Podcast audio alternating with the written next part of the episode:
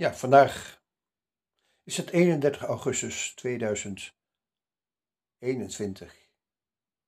En ik ben vandaag 64 geworden.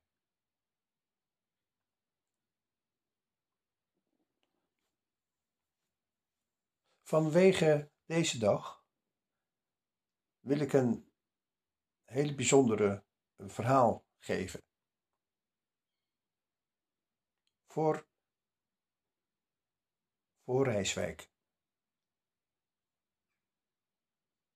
Rijswijk. Wanneer heb ik daar voor het eerst van gehoord, van die, van die plaats? Wanneer drong het voor het eerst tot mij door? Dat het een plaats is die ik niet mag en kan vergeten.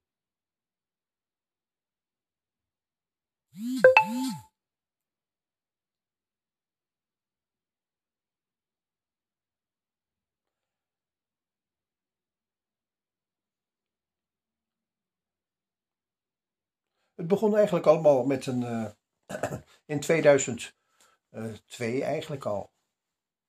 Ja, 2002.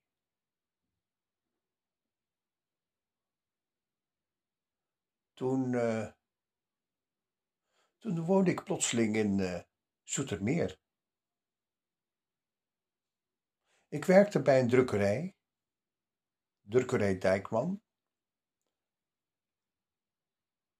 En daar drukten we de krant, de metro. En ik was overgenomen door de hele grote drukkerij die de metro drukte. Door een ander bedrijf, een andere drukkerij. Casing. En bij Casing was ik terechtgekomen via een uitzendbureau. En die, die drukten puzzelboekjes. Allemaal verschillende soorten puzzelboekjes. Beelddenkers en uh, ja, ik, ik heb er niet zoveel mee, maar goed, ja, het was werk en ik moest DTP-werk doen. Desktop Publishing. En dat was eigenlijk, ja, was wel leuk. Ja, ik moest toch wel iets. Uh, ik had een, uh, was begonnen om een uh, gezin te formeren in Amsterdam. En na een tijdje gewerkt te hebben bij een uh, decoratelier waar ik uh, decors maakte. Onder andere voor de World Press fototentoonstellingen maar ook in uh, Alphen aan de Rijn, in Den Briel, in verschillende plaatsen ben ik geweest om decors uh, te maken. Helaas eh, ging het bedrijf failliet en ik kwam terecht uh, ja, weer in een situatie dat ik weer een baan moest vinden. En na veel zoeken ben ik toen ja, eerst nog een tijdje bezorger geweest bij een architectuurwinkel in Amsterdam-Zuid, want ik woonde toen in Amsterdam-Zuid, vlak bij, ja, bij het Olympisch Stadion, de Argonautenstraat, 75 drie hoog, drie hoog en vier hoog en vijf hoog. We hadden drie verdiepingen. Het was een bijzondere ruimte. En ik heb er altijd met veel plezier gewoond. En daar hebben we ons eerste kind gekregen. Nando. En toen, ja, daarna kwam, kwam ons tweede kind. Maar daar, daar, ja, we zochten eigenlijk een iets groter huis, want het trappenlopen viel mijn vrouw toen een beetje erg zwaar. En ja, dat was eigenlijk geen doen meer. We hebben overal rondgekeken, vooral in uh, Zaandam en de omgeving van Amsterdam.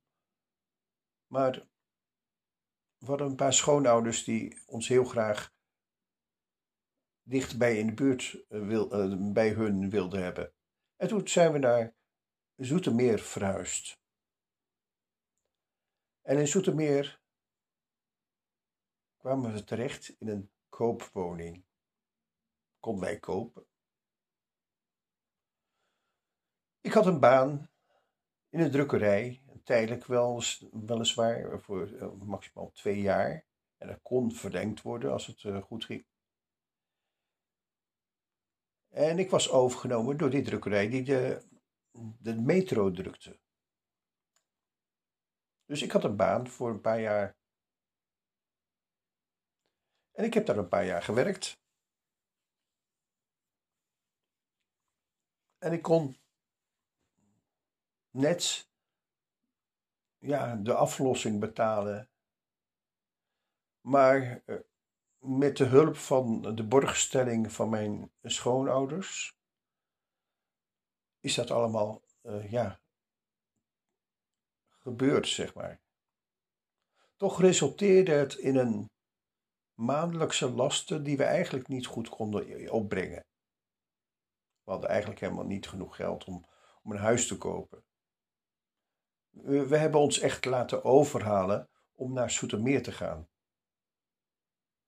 Eigenlijk was Soetermeer een plaats waar, waar mijn vrouw uh, destijds gillend weg was gelopen. Ze, was, zag dat helemaal niet meer zitten, dat hele, de hele stad Soetermeer. Ze was gevlucht naar de stad waar ze eigenlijk geboren was, Rotterdam. En dat was niet zonder reden dat ze daar gevlucht was. Dat bleek mij eind 2002 heel erg sterk. Want wat gebeurde er 2002?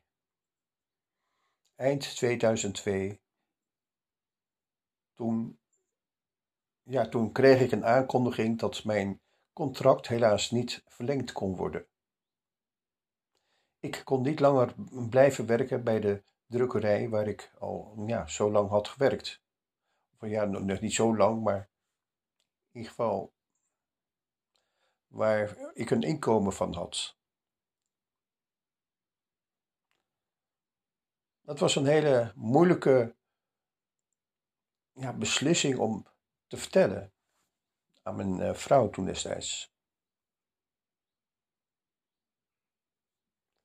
En toen ik dat vertelde, werd ze ook gelijk heel erg kwaad. Ik kreeg gelijk een hele grote klap in mijn gezicht.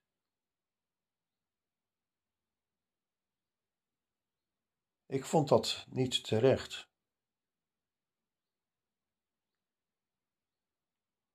Ik uh, kwam erachter dat er nog heel veel dingen speelden eigenlijk waar ik me niet zo van bewust was.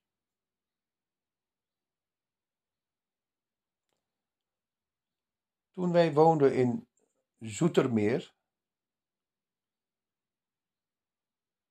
had ik met een vrouw te maken die in verwachting was van ons tweede kind, Babette. En die leed aan een postnatrale depressie. Eigenlijk was alles haar te veel. Ze trok het helemaal niet. En helemaal geldzorgen, dat was, was helemaal niet iets wat ze aankon. En ik was altijd iemand die dacht van, nou ja, we komen er wel uit. We hebben borgstelling en we hebben van haar ouders. En, en als ik hier geen werk meer heb, dan krijg ik het wel ergens anders. Zo was mijn instelling. Maar toch viel dat verkeerd voor, um, voor mijn toenmalige vrouw en haar ouders. Haar ouders, die, die natuurlijk veel voor ons hebben willen doen, uh, toen ze, um, helemaal toen ze zagen dat hun dochter het heel erg moeilijk had in Zoetermeer, Herhaaldelijk had zij heel veel last van buren. En ik weet niet hoe vaak ik bij de buren langs moest gaan om, om te vragen of ze het iets zachter konden doen. Maar mijn vrouw was erg sensitief, heel erg gevoelig voor allemaal geluiden. En als ze niet kon slapen, dan was ze niet te genieten. Al hoorde ze alleen al een klok tikken, dan, dan kon ze niet slapen. Klokken waren verboden in de slaapkamer.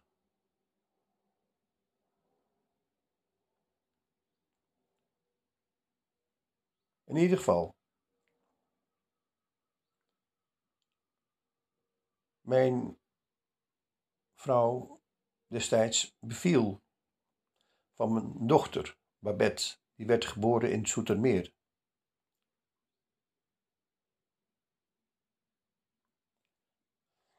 Hoe ik het allemaal deed, was niet naar genoegen van mijn schoonouders, helaas. Hoe langer, hoe meer kreeg ik een afstand tussen die mensen. Wat eerst mijn beste vrienden waren, waar ik altijd op kon bouwen, bleek hoe langer hoe meer een schijnvertoning te zijn.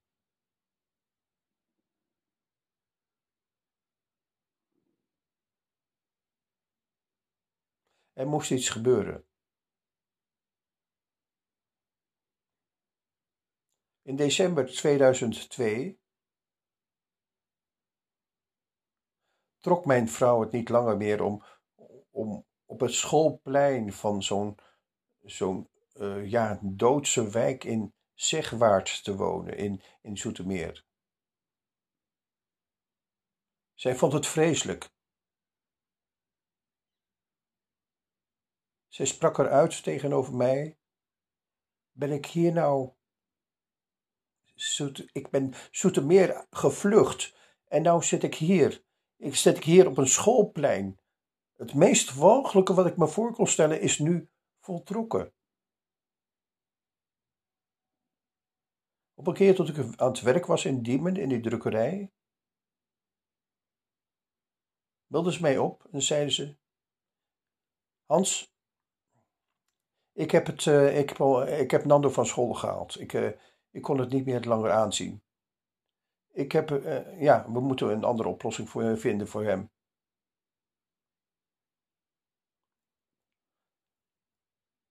Er was nog een andere optie en dat was de, de vrije school. Dat sloot iets dichter bij onze gedachtegang aan. En ik ben toen hals over kop ben ik op zoek gegaan naar een nieuwe school voor Nando. Uiteindelijk heb ik er eentje gevonden. Maar het was wel heel eind fietsen voor, voor uh, mijn vrouw. Toch, het maakte allemaal niet uit als ze maar weg waren van, van die rotschool.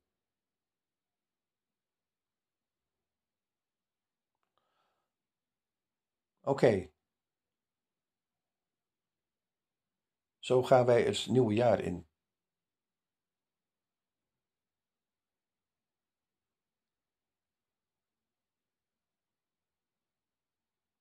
Zo maken wij nog een zomervakantie mee. We konden een vakantie regelen via een tante van Hanna.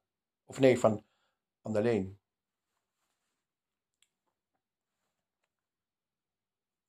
Doreen. Zij woonde ergens in België in een mooi gebied. En daar zijn we toen met de hele familie naartoe gegaan. Twee kinderen, een man en een vrouw. En we konden daar een klein huisje huren van hun.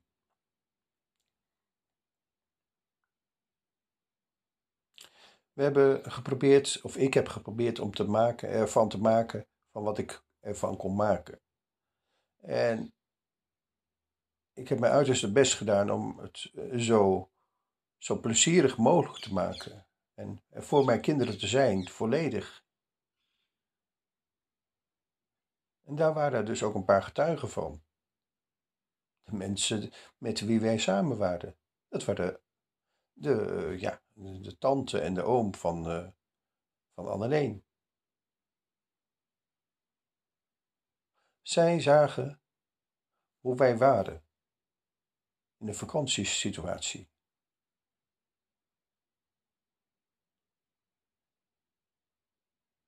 Ze zagen hoe ik werkelijk heel veel mijn best heb gedaan om echt het allerbeste ervan te maken. Ik vertel dit even om een soort voorgeschiedenis. Ja. Het wordt weer veel te langdradig. Ik heb het in de gaten. Maar goed. In ieder geval, ik ga terug naar 2003. In 2003, 2002, of eind 2002, toen, ja, toen, toen wilde mijn toenmalige vrouw wilde mij toch een beetje laten weten dat het allemaal door mij kwam. Dat ik mijn baan verloor en dat, ik, uh, ja, dat er iets niet goed met mij in orde was. Ik moest onderzocht worden. Oké.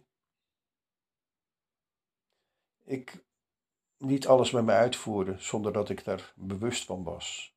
Ik ging naar de huisarts en ja, we hadden al een artikel toegezonden gekregen van mijn toenmalige schoonmoeder over ADHD.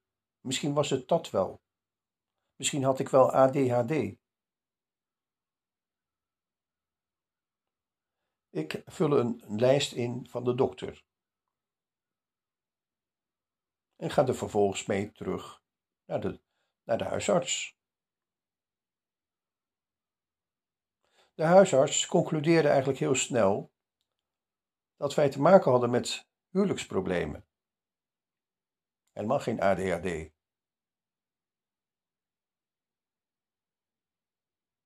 Ik kwam ermee terug met het bericht: mijn vrouw was hels op mij. Ik zou het allemaal helemaal verkeerd ingevuld hebben, dat hele formulier.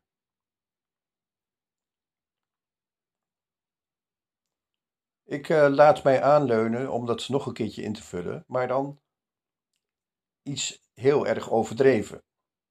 Zodat zij in ieder geval haar zin kon krijgen. Ik wilde haar haar zin geven. Hoe stom kan een man zijn? Om in dergelijke gevallen te gaan liegen over jezelf. Uiteindelijk heeft die huisarts een doorverwijzing gemaakt naar een psychiater.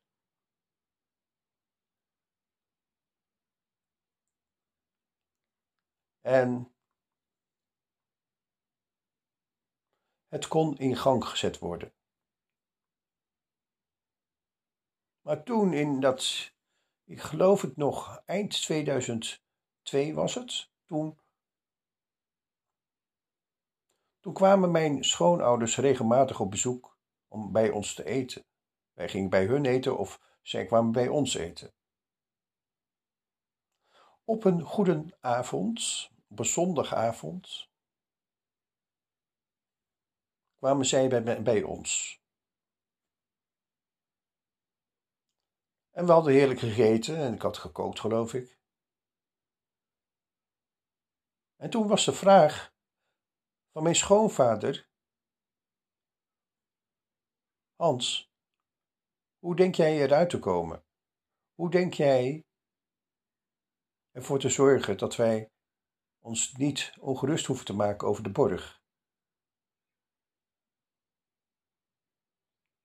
Want zij bleken ongerust te zijn over hun borgstelling. Ze hadden geen vertrouwen in mij.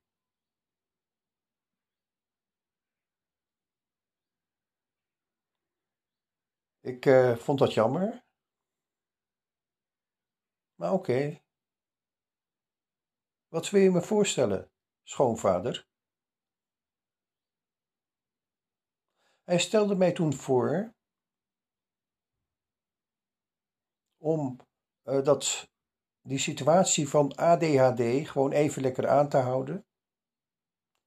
En daarmee een arbeidsongeschiktheidsverklaring te bewerkstelligen. Dat was een soortgelijke situatie die hij zelf ook aan de hand had gehad. En ja, als ik dat zou volgen, dan wilde hij mij wel regisseren. Hij wilde mijn regisseur zijn. Mij helemaal begeleiden van het begin tot het eind. En daar kon ik op vertrouwen. En ja, dan moest ik zijn, zijn aanwijzingen opvolgen. Hij werd mijn regisseur.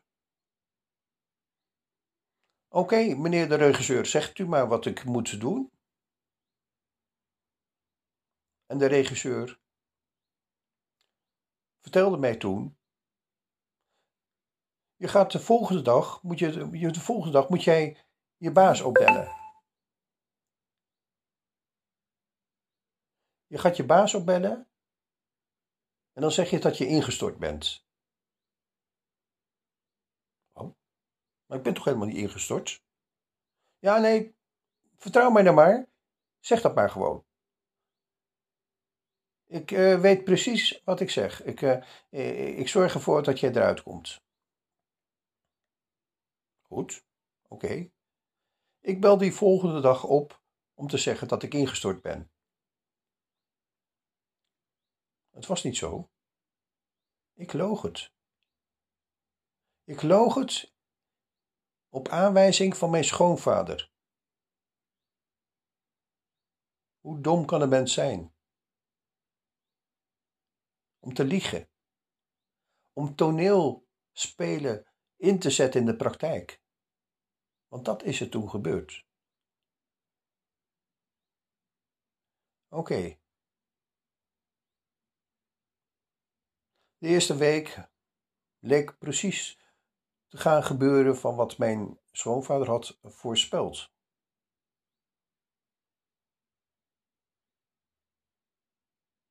Ja, ik kreeg een controlerend geneesheer en ik kreeg dit en dat.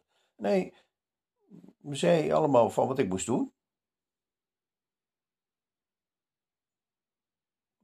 Het leek perfect te gaan en ik... Uh, nou, we gingen verder met dat spel van ADHD. En dat lukte ook. Ik kreeg honderden vragen in te vullen. En dan kon ik helemaal niet. Want ik heb een allergie voor, voor multiple choice, heb ik later eh, bekeken, zeg maar, en bedacht. Multiple choice is mij, heeft mij nooit gelegen. Het is een vraagmethode uh, van, van waar je één van de drie moet kiezen. En dan kon ik nooit kiezen. Daar had ik altijd meer tijd voor nodig. En als ik daar over ging denken, ja, dan, dan, dan vulde ik nog vaak, heel vaak het verkeerde in. Zo heb ik twee, eh, twee, twee keer een examen gedaan voor, voor, uh, voor mijn Engelse eindexamen op de MAVO. En dat ging eigenlijk helemaal nergens over, want ik, ik, ik kon best wel goed Engels, maar ik, ik kon die methode niet uitstaan. Oké. Wat de metro er nou mee te maken heeft. Ik zie hier staan metro. Ja. De metro was namelijk de oorzaak van geweest dat ik mijn baan verloor. Hoe kon dat? De metro was machtig, een machtige op, op, opdrachtgever. Hij, hij was eigenlijk uh, ja, de grootste klant van mijn baas, zeg maar. En daardoor waren ze ook machtig geworden. En door die macht konden ze ook eisen stellen.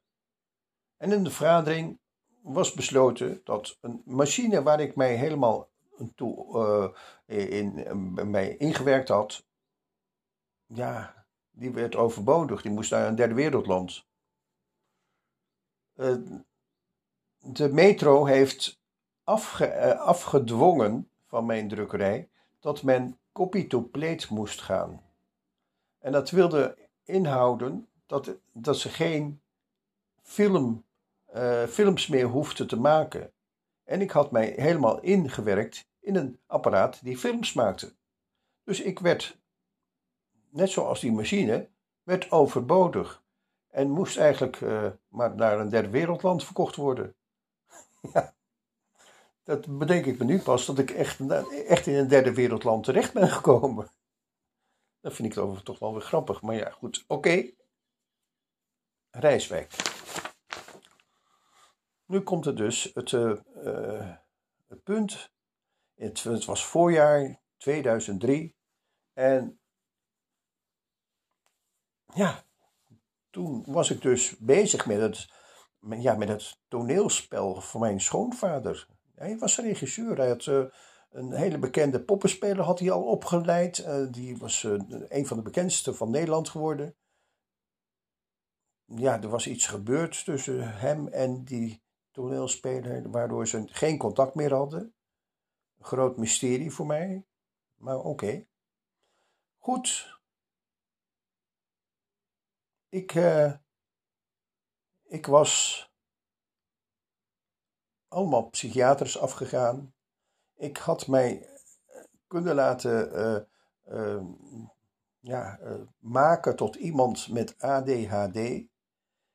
Ik was zelfs ertoe overgegaan om het slikken van Ritalin-pillen. En ik werd er helemaal. Dat werkte helemaal niet goed. Ik werd er helemaal verstrooid van. Het was troep. En ik werd er ook nog vergeetachtig door. Mijn hele hersens werkten niet meer optimaal op dat moment. En toen, in die periode, toen ik dus aan de Ritalin zat, toen was er een afspraak en er was een afspraak in, om naar Rijswijk te gaan. Het was namelijk een, een of andere controlerend uh, bureau uh, van, van, ja, met een geneesheer en ja, een psychiater en een dokter en alles bij elkaar. Ik weet het niet allemaal, maar daar moest ik naartoe gaan om voor de diagnose volgens het plan van mijn voormalige schoonvader. Oké, ik had het idee dat het een afspraak was om vier uur, maar het bleek drie uur te zijn. Zo'n zo soort vergissing was het. En toen ik daarachter kwam, toen was ik helemaal boven op de, op de computer. En toen ging ik naar beneden met de mededeling dat ik me vergist had in de tijd. En intussen was de de schoonmoeder, de moeder van mijn een toenmalige vrouw, die was al gekomen.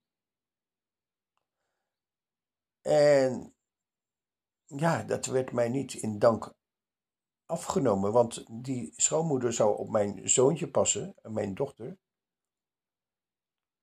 En die kwam toen voor niks. En ik moest het allemaal recht zien te breien. Dat is toen een hele grote woordenwisseling geweest. En niet voornamelijk met mijn vrouw, toen destijds, maar voornamelijk met mijn schoonmoeder. Die gingen er, die kreeg ik voor mij, zoals ik haar nog nooit had gehoord. Ze begon, begon haar ja, grote ongerustheid te uiten tegenover mij dat ik onverantwoordelijk was en dat ik dit niet goed doe en dat niet goed doe en dat niet goed doe. Het was zo'n overladen aanval dat ik echt zoiets kreeg van rot op jij. Donder toch op. Kijk naar je eigen. Je hebt er helemaal niks mee te maken. Ja, en toen ben ik zo stom geweest om ja, haar maar eh, duidelijk te maken dat zij gewoon zelf gewoon ook genoeg dingen had waar ze naar kon kijken, wat niet vlekkeloos was verlopen.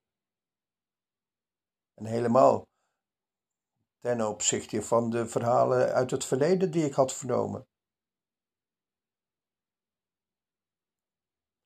Daarop heeft zij gewoon mij als boek hartstikke dichtgeslagen. Oh, Denk jij er zo over?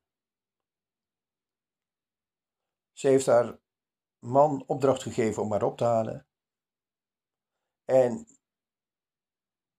ze hebben mijn vrouw, mijn kinderen, alles meegenomen. Ik was alleen in huis. Ja, ik had nog een keuze.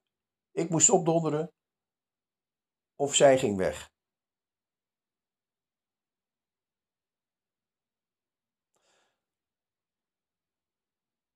Dit was eigenlijk het keerpunt.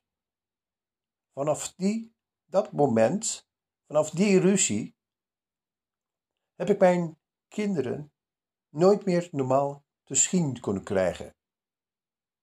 Alleen maar in begeleide omgangshuizen.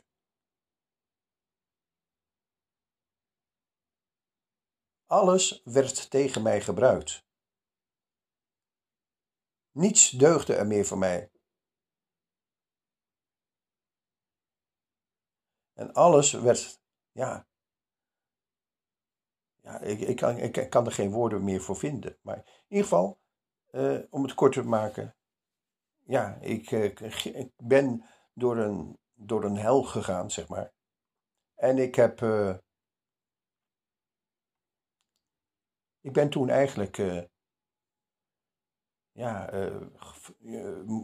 werd, werd zelfs opgekregen te maken met advocaten. Nou, die advocaten, de, de vreselijke mensen, die waren totaal onbetrouwbaar. Een advocaat die ik, die, die ik aanvankelijk alles had verteld, die bleek op een gegeven moment de advocaat voor mijn vrouw te zijn geworden. Ja, en uh, ja, ik kan er een boek over schrijven. Maar dat doe ik niet. In ieder geval, wat ik wel deed was kijken in mijn eigen hart. Wat gebeurde er in mijn eigen hart? Ik moest verder en daarom ben ik gaan kijken, wat speelt er in mijn hart? En ik, ik kreeg steun van de gemeente Zoetermeer om, om een atelier te krijgen. En om een hartenproject te gaan beginnen. Ik sloot me aan bij een kunstenaarsgroep. En mijn ruimte werd het hartenproject. Ik maakte een heel groot hart, was door de muur heen en dat verbond mij met die hele kunstenaarsgroep die Terra heette. En ik nodigde allemaal vrienden en vriendinnen en kennissen eh, uit om mee te gaan doen met die tentoonstelling over het hart. Ik wilde wel eens weten, wat, ja, wat, wat zit er in mijn hart? Wat is nou eigenlijk werkelijk belangrijk in je hart? En dat resulteerde er zelfs toe dat ik een hartenkrant uitgeef, gaf. En die hartenkrant, ja, daar stond eigenlijk precies in van wat mijn hart bewoog. En een redactielid die ik vond, dat was een, eh, ook een familielid van mij, het uh, vriendinnetje van mijn neef. En dat vriendinnetje van mijn neef, dat bleek een heel erg, ja, uh, heel erg schrijnend uh, voorbeeld te zijn van incest. Ze was misbruikt door haar vader en door haar broer. En de raad van de kinderbescherming had ze helemaal niets aan gehad. Ze liep weg verschillende keren en, en werd toen weer teruggebracht door de politie naar haar ouders, die haar misbruikten. Zij was eigenlijk samen met iemand in Rotterdam een organisatie begonnen om meer stemmen te krijgen voor incest.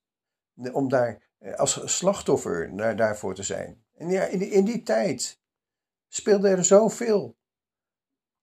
Mijn beste vriend uit Leeuwarden, die was notabene ook aangeklaagd voor, voor, voor handtastelijkheden op school in Drachten. Wat was daar aan de hand geweest? Zij had lesgegeven uh, tekenen en handvaardigheid aan een huishoudschool. LTS huishoudschool. En er waren een paar meiden geweest die, die hem het leuk vonden om hem als, uh, ja, uh, uit te dagen en uh, hem aan te klagen als een, iemand die te handtastelijk was. Ik ken mijn vriend, hij, hij was, ja, hij was niet bang om mensen aan te raken, nee. Nou, dan moet je dus net in een Fries dorp zijn, zoals Drachten. Er zijn de mensen, boeren, soms. En, en zo worden ze opgevoed vaak, in Drachten. Niet iedereen natuurlijk. Natuurlijk niet, want anders krijg je dat weer naar je hoofd. In ieder geval, uh, hij, hij heeft eigenlijk toen een, situatie aan de hand gehad dat hij, ja, dat hij vreemd genoeg ook heel gemakkelijk aan een AOW-uitkering kon komen. In die situatie waar hij had verkeerd, mijn beste vriend, kon hij, werd hem aangeboden zelfs door de school. Oh, als je dit en dat doet, dan. En als je akkoord verklaart dat jij schuldig bent, dan, dan krijg jij uh, uh, gewoon een uh, uitkering. Kan je tot, tot, tot, je eind gewoon goed leven. En dan heb je nergens geen last meer van. Ja. Maar betekent het dan dat ik, dat ik schuldig moet bekend worden? Vroeg mijn vriend toen terecht af. Ja, ja, ja, dat, ja dat, dat, dat is natuurlijk wel zo. Nou, dat wilde hij niet. Hij heeft alles op alles gezet om, om die hele rotzooi, uh, die hele klotenzooi van de, van de school aan te klagen. Weet je wat er gebeurd is? Kankercellen hebben hem overmeesterd. Hij heeft kanker gekregen. En is uiteindelijk gestorven. Een hele pijnlijke, moeizame weg is hier gegaan.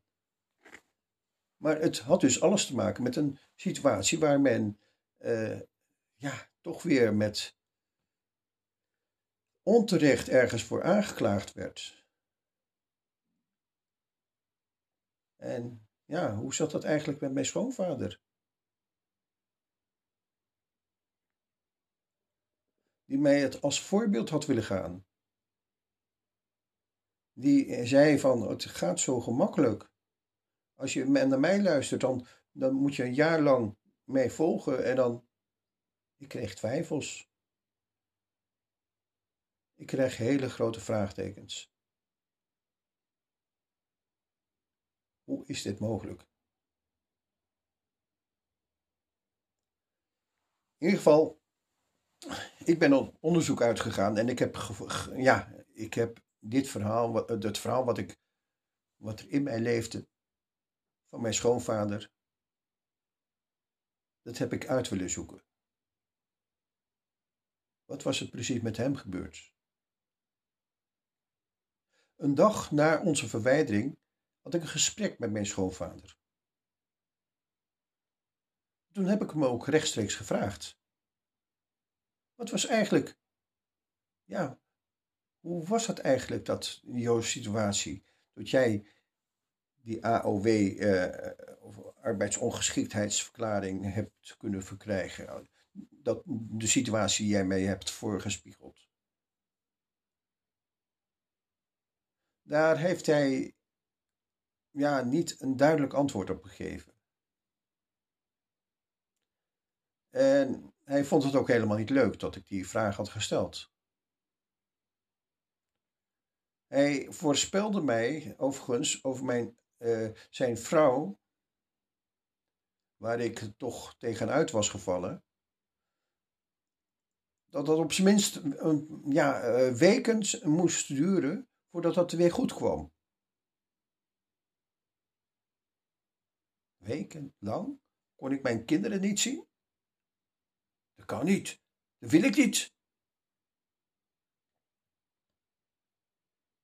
Nee, nee, hij zei dat uit ervaring. Hij wist hoe dat onderwerp nog steeds parten speelde bij, bij zijn vrouw. En toen ging ik ook dingen combineren.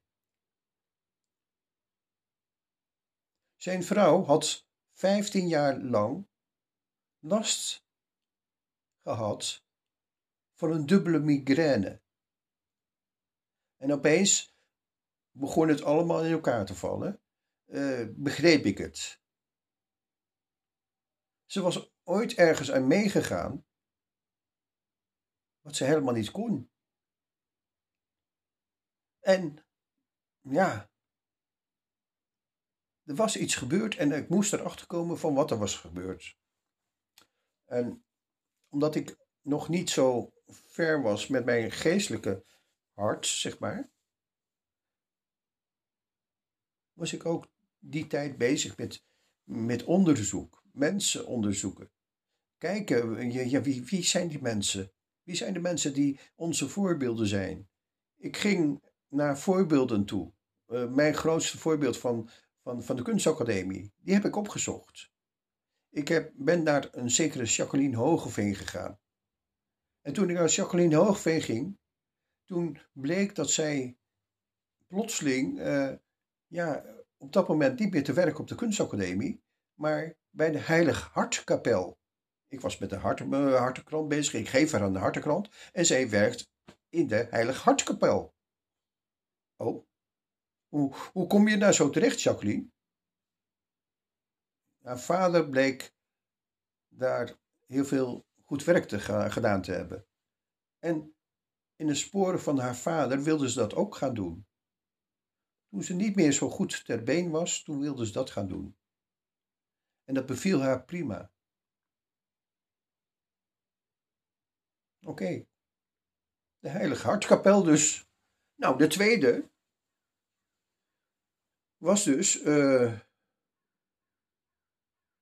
de, uh, ja, een uh, docent, een verhalenverteller, Willem de Ridder.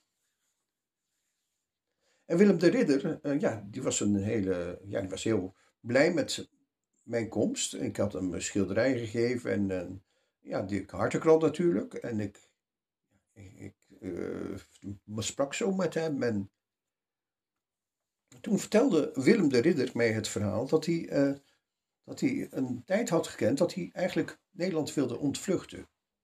Hij wilde niet langer meer in Nederland blijven. Hij had het allemaal gezien. Hij had het allemaal gehad met Nederland. Nou, en wij dan, als leerlingen? Had hij het ook met ons gehad? Nee. Nou ja, in ieder geval, zijn verhaal was hier wel zo dat hij naar Amerika was uh, gevlucht. En in Amerika was hij een advocaat tegengekomen. Oh, een advocaat. Oh, ja, ik, ik, had ook dus advocaten leren kennen, allemaal onbetrouwbare mensen. Maar goed, hij had daar een advocaat in, uh, in Amerika ontmoet, uh, zeker Arnold Patent. En die Arnold Patent, die had hem een voorbeeld gegeven van wat je kan doen waar je tegenaan, als je, waar je tegenaan was gelopen, waar hij tegenaan was gelopen. Hij was er tegenaan gelopen dat kinderen in Nederland niet meer opgroeien met, met het rijke begrip van liefde. Dat had hij ook in Amerika uh, ervaren. Liefde was vervreemd geworden. Bij de val van het geloof van, van mensen die eigenlijk niet meer in God geloven, niet meer in liefde geloven, was alles ja, vertroebeld, zeg maar. Mensen geloofden nergens meer in.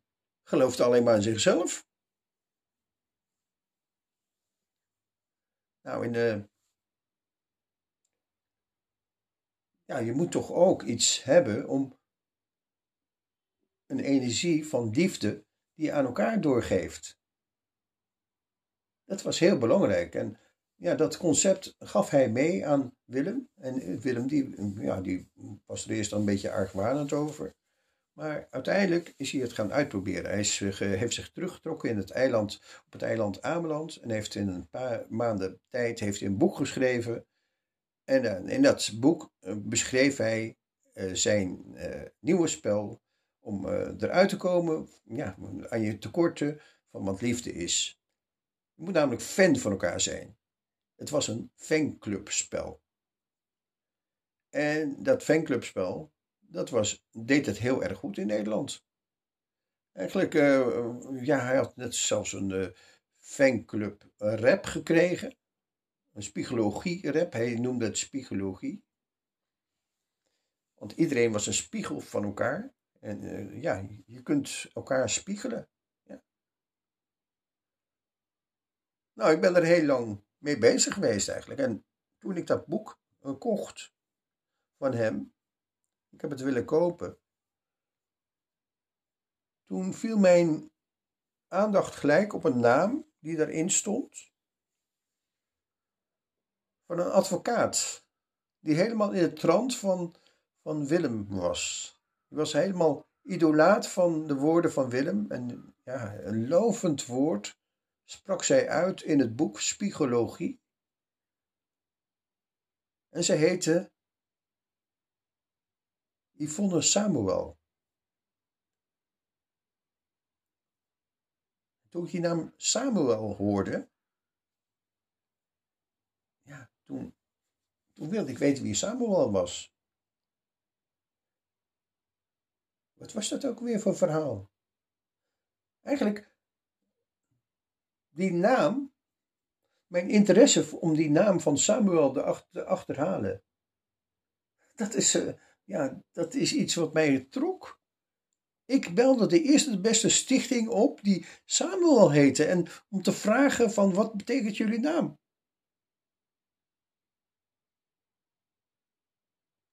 Nou, ik kreeg antwoord. Samuel, dat was de zoon van Hanna. En Hanna, ja, dat was een hele bijzondere gelovige vrouw.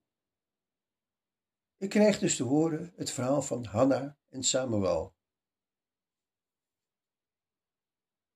En ik bedankte de vrouw en ik wilde ophangen.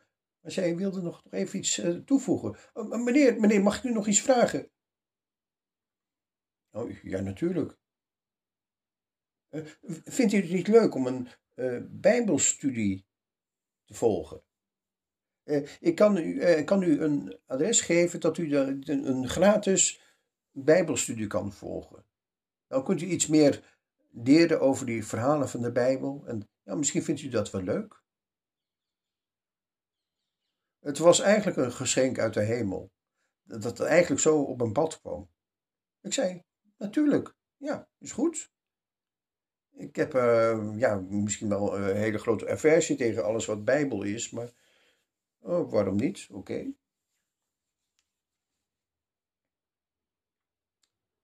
Ik kreeg mijn eerste Bijbel toegestuurd. Ik ging mij verdiepen in het woord.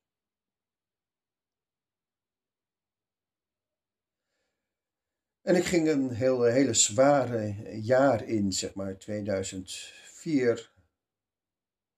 Ik ging mijn onderzoek doen, ik ging mensen interviewen, eh, de, bekendste regisseurs en bekendste toneelspelers van Nederland heb ik gesproken.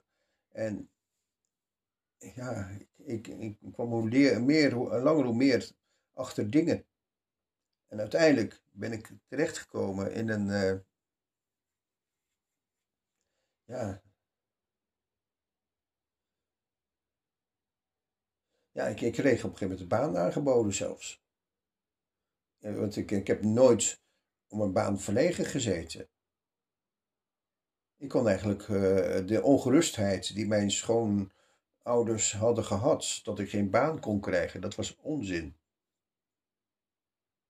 Maar ze maakte het wel helemaal onmogelijk om mijn kinderen nog langer te zien. Er waren allemaal situaties waren in scène gezet die eigenlijk ervoor streden om mijn, mijn kinderen heel erg ver bij mij vandaan te houden.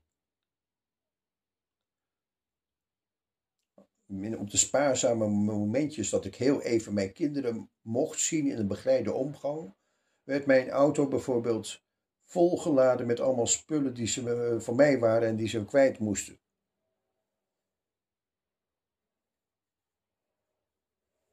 Mijn ex-vrouw had, had ook de sleutel van die auto en die kon daar gewoon zo naar binnen gaan. En dat deed zij de momenten uh, dat ik uh, even omging met mijn kinderen, werd er aan de andere kant in mijn auto werd de meest grote troep werd er ingeladen. En dat was dan het cadeautje wat ik kreeg toen ik weer terugkwam voor mijn kinderen.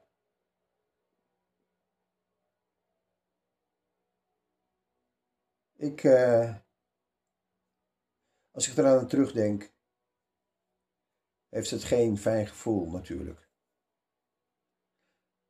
Uiteindelijk zijn die omgangsdagen ook helemaal gestopt. Eenzijdig gestopt. En toen zij eh, uiteindelijk verplicht werd om, uh, ja, om, om het toch weer door te laten gaan, was het eigenlijk al te laat. Mijn kinderen werden zo bespeeld dat ze gewoon van allerlei kwalen kregen, om, omdat ik de gebeten hond was. Door mij sliepen ze niet meer goed. Door mij pisten ze in een broek. En door mij ja, was alles fout gegaan. Ik was het zwarte beest. Maar ik ben blij dat ik dat niet in werkelijkheid ben. Al willen mijn kinderen mij nog steeds niet erkennen als, als iemand die heel veel om ze geeft.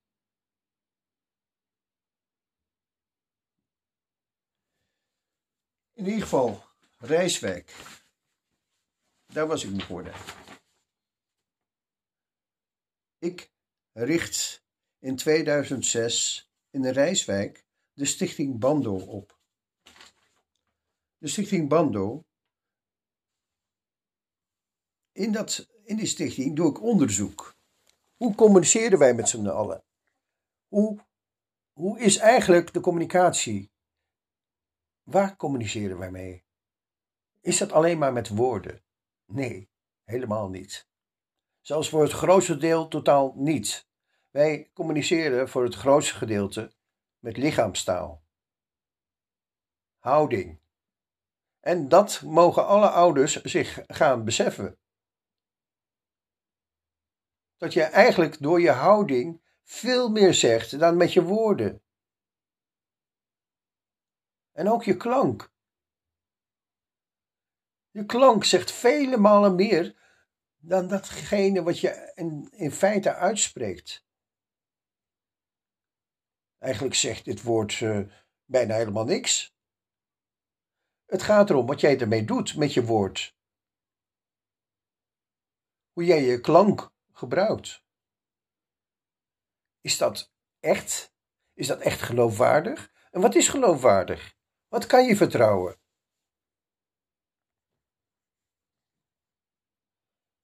Ik kom erachter dat er een mysterie bestaat in het leven.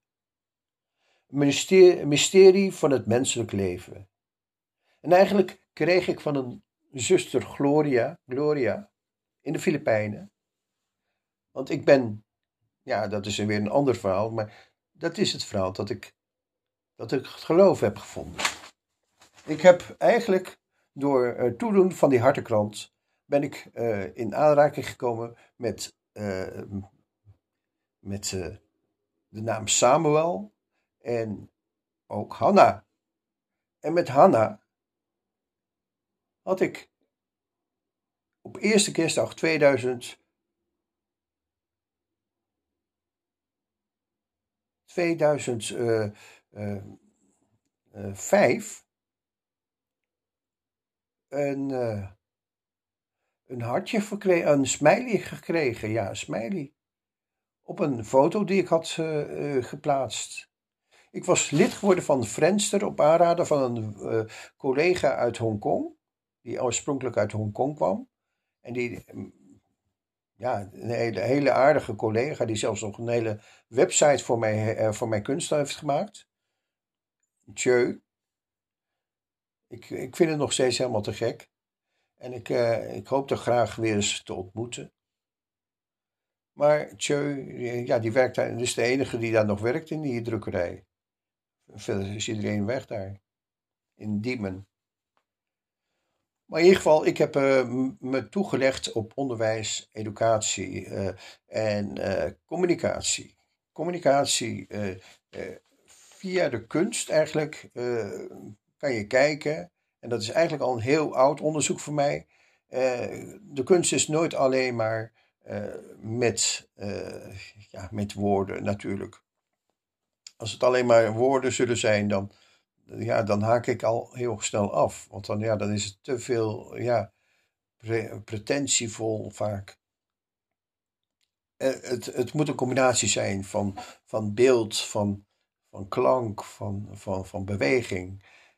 En uh, ja. En, en, en, natuurlijk het woord. Maar die combinatie, die combinatie moet erin zitten. Voor mij. Want uh, ja, dat, als je dat verkeerd gebruikt, dan kan je iemand manipuleren. En kan je zelfs iemand ja, dodelijk uh, ja, ja, beledigen. Oké, nou tot zover mijn eh, podcast. Het is nu bijna klaar. Ik stop er nu mee. Ja, uh, ik hoop dat je er iets vindt en dat je er iets. Er komt nog wel eens een vervolg, maar tot zover deze podcast, die nu eigenlijk alweer een uur duurt. Oké, tot zo.